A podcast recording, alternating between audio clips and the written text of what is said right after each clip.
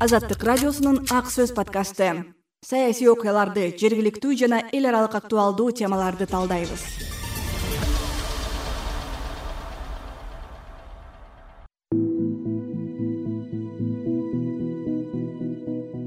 Саламатсызбы урматтуу угарман. Жети өгүз районундагы жуука ашуусунда сегизинчи июлда мөңгү кыйрап көлөмү эки миллион он бир миң беш жүз куб метр болгон кар көчкү өрөөндү басып калган.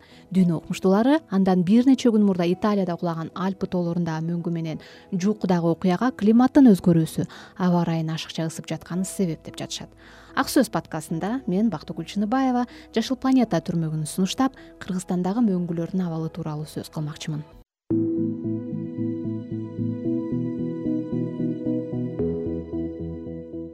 британиялык турист гарри шимин сегизинчи июлда жети өгүздөгү кулаган мөңгүнү видеого тартып алып кийин бул кадрлар дүйнө окумуштуулары климатологдордун кызуу талкуусуна алынды. Видеодон туристтер өтүп бара жаткан маалда тоодон кулаган мөңгү өрөөндү каптап чоң кар көчкүдөй ылдый агылганын көрсө болот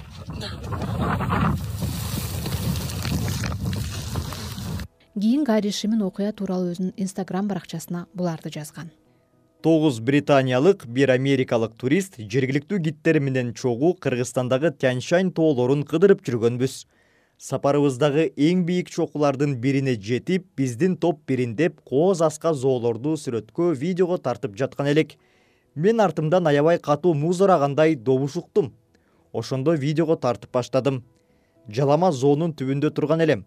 Ылдый жагымда кар көчкүдөн жашынганга ыңгайлуу бир үңкүрдү байкадым мөңгү кулап бизди көздөй агылганда акыркы секундка чейин видео тарта берип кар массасы мага жеткени калганда гана үңкүрчөгө качып кирдим. Жашоомду тобокелге салганымды билип эле турдум. Бактыга жараша мени аз эле кар басты. Бир да жерим оорубай аман эсен калдым. Биздин топ тирүү калганыбызга аябай сүйүнүп ыйлап жибердик. Бир аял тизесинен жарат алыптыр. Аны атка мингизип ылдый алып түштүк эгер биз бул жолдон беш мүнөт эрте өтсөк анда мөңгүнүн алдында калмак экенбиз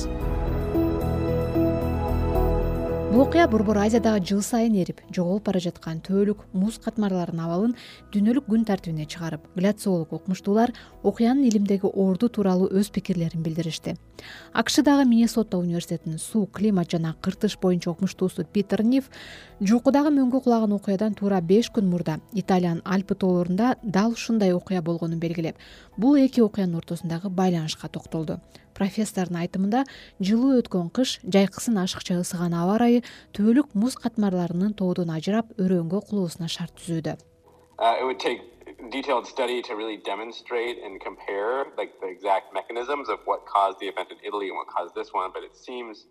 Италиядагы жана кыргызстандагы мөңгүлөрдүн кулоосуна себеп болгон факторлорду тыкыр иликтеп бул экөөнүн ортосундагы байланышты таап чыгуу үчүн убакыт көп жумуш талап кылынат эгерде бул эки окуянын себеби абанын ашыкча ысуусу болуп чыкса анда таң калбай деле койсок болот.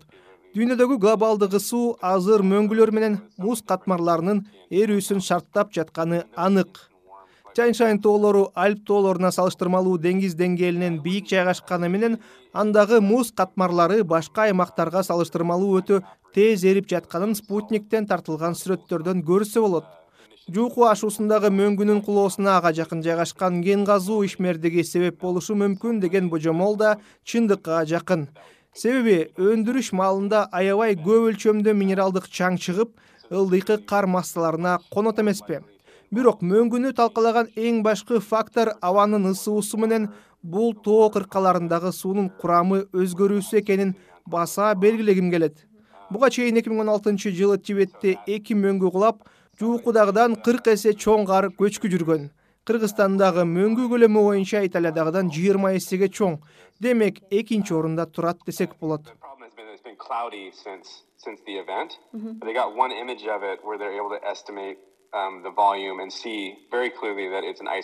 Дейт питер ниф жука ашуусунда кулаган мөңгүдөн тышкары кыргызстанда бул сыяктуу муз катмары талкаланган учурлар расмий катталган эмес. Ошентсе да өлкөдөгү ири мөңгүлөр талкаланып майда мөңгүлөр пайда болууда. Космостук эл аралык ландсат сегиз спутнигинин эки миң он үчүнчү он алтынчы жылдары тарткан сүрөттөрү боюнча кыргызстанда азыр тогуз миң тогуз жүз элүү тогуз мөңгү катталган. Ал өлкөнүн алты миң алты жүз сексен үч чарчы чакырым аянтын ээлеп турат. Буга чейин советтер союзу жыйырманчы кылымдын бир миң тогуз жүз кыркынчы жетимишинчи жылдарында өлкөдө сегиз миң бир жүз алтымыш төрт мөңгүнү эсептеп анын жалпы аянты жети миң тогуз жүз кырк төрт чарчы чакырым экенин каттаган.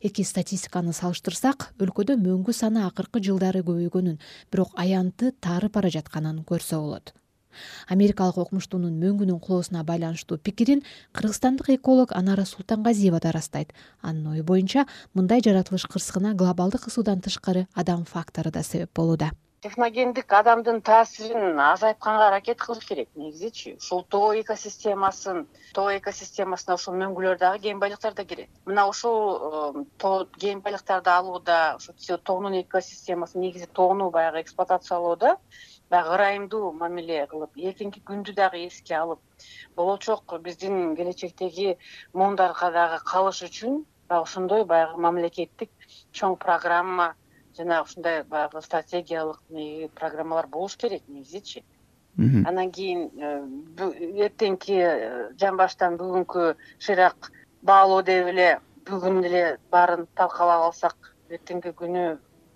жашообуз кыйын болуп калат. Негизи ушул илимпоздордун айтымына караганда акыркы эки жыл эки жүз жылдан бери климат бир жарым градуска ысыды. Ал эми келэрки ушул жүз жылдын аралыгында климат төрт жарым градуска чейин ысышы мүмкүн деп атат. Эгерде эки жүз жылдын ичинде бир жарым градус ал эми э, жүз жылдын аралыгында төрт жарым үч жарым үч градуска ысый турган болсо бул ысыган бул каяктан чыккан маалымат. Анткени адамдын таасири болуп атпайбы? Жердин жер жүзүндө адамдын саны көбөйүп атат сегиз миллиардка жетип калдык азыркы учурда. Техногендик таасирибиз аябай көп эсе күч алды. Киминтип отурсак биз деген мөңгүлөрдүн баарысын ажырайбыз дүйнөлүк аты бар илимпоздор деле айтып атат. Дүйнө жүзүндө ушул акыркы ушу келэрки бир жүз жүз отуз жылдын ичинде такыр мөңгүлөр калбай калат деген ошондой маалымат бар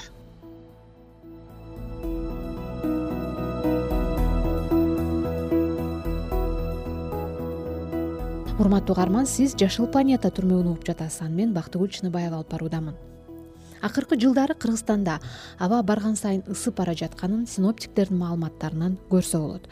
Жуукуда мөңгү кулаганга чейин жыйырма жетинчи майда geophysical research letter аттуу илимий басылмага акыркы отуз беш жылда борбор азиянын климатына жасалган изилдөө жарыяланды анда кытай өзбекстан казакстан жана кыргызстандын аймагындагы жаратылыштын өзгөрүүсүнөн улам алдыдагы он жылдыкта аймактын көп бөлүгү чөлгө айланаары белгиленген.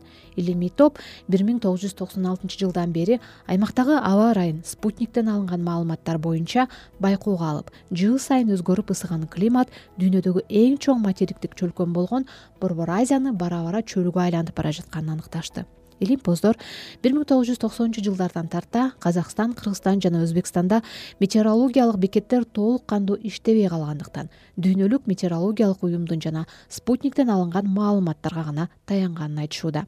Изилдөөнүн авторлорунун бири чи стивен ху азаттыкка азыркы тапта өтө ылдам эрип жаткан мөңгүлөр дыйканчылыкка убактылуу эле пайдасын тийгизип келечекте суу тартыштыгына жол ачаарын айтты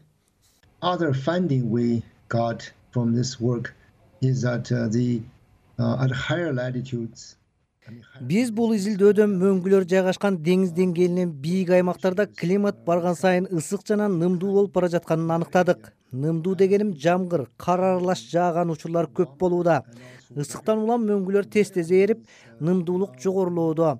Ушундан улам борбор азиянын тоолорун каптаган мөңгүлөр өтө тез ээрип жатат. Албетте бул жергиликтүү дыйкандар үчүн убактылуу пайдалуу болушу мүмкүн суунун запасы көбөйөт. Дарыялар толот дегендей бирок мөңгүлөр жыл сайын азайып кичирейип кыйрап жана жоголуп баратат. Бул көрүнүш алдыдагы жылдар үчүн өтө опурталдуу. Себеби силер жашаган аймактагы катуу жана өтө жайы ээриген мурдагы мөңгүлөр жоголууда. Суу запастары мындан бир нече жылдан кийин өтө тартыш болот. Дыйканчылык менен жашаган чөлкөм үчүн бул бир топ кыйынчылыктарга ал тургай азык түлүк тартыштыгына алып келет or snow in warm seasons for you to for you to to support agricultural production президент садыр жапаров эки миң жыйырма биринчи жылы ноябрда шотландиянын глазго шаарында климаттын өзгөрүүсүнө арналган саммитте кыргызстандагы мөңгүлөрдү сактап калуу маселесин көтөрүп дүйнө коомчулугунан жардам сураган. Ал өз кайрылуусунда борбор азиядагы тоолуу аймактарда жашаган адамдар климаттын өзгөрүүсүнөн жабыр тартып жатканын айрыкча мөңгүлөрдүн эрүүсүнө экономикалык абийирсиз ишмердүүлүк себеп болуп жатканын айткан кыргызстанда эки миң он жетинчи жылы суу кодексине өзгөртүү кирип мөңгүлөрдү сактап калуу боюнча атайын нускамалар берилген. Эколог калия молдогазиева мөңгүлөрдү сактоо боюнча дүйнөдөгү тажрыйба тууралуу буларга токтолду. Мындай э, мисалдар уже дүйнөдө болгон аргентинада. Аргентинада ошондой мөңгү жөнүндө мыйзам чыгарылган ал эки миң онунчу жылы чыгарылган. Ошол долбоорду да биз карап чыктыңыздар карап чыгып ошондой көп эмелери биздин өлкөгө да окшош экен. Ошо алардын жаратылыштыгы эмелери бүт анан ошолор аргентинанын тажрыйбасын анан ошо калк алардын калкына бул аябай маанилүү да мөңгүлөр. Они в основном мөңгүлөр менен суунун ошону колдонот экен да. Бизге бирок бизге караганда аларда моундай именно мөңгү э, маанилүү да. Бизде кыргызстанда мындай үч ар түрлүү булак бар да суунун суу ресурстарды. Бул мөңгүлөр анан жердин алдындагы астындагы суулар подземный источники анан наземный источники. Борбор азиядагы жерди прикладдык изилдөө институтунун маалыматына таянсак соңку жетимиш жылда кыргызстандагы мөңгүлөрдүн аянты он алты процентке чейин азайды. Эки миң жүзүнчү жылга чейин барып эки миң жүзүнчү жылга чейин майда мөңгүлөр толугу менен эрип жок болуп ак кар көк муздун аянты элүү процентке чейин кыскарышы мүмкүн. Соңку элүү жылда мөңгүлөрдүн аянты алты миң алты жүз сексен үч чакырымга же он алты он жети процентке кыскарып кеткени белгилүү болгон кадырман угарман сиз азаттык радиосунун ак сөз подкастын уктуңуз. Анда жети өгүз районундагы жуука ашуусунда кыйраган мөңгү тууралуу жашыл планета түрмөгүн сунуштап өлкөдөгү жалпы эле мөңгүлөрдүн абалына кайрылдык подкастты мен бактыгүл чыныбаева даярдадым. Саламатта туруңуз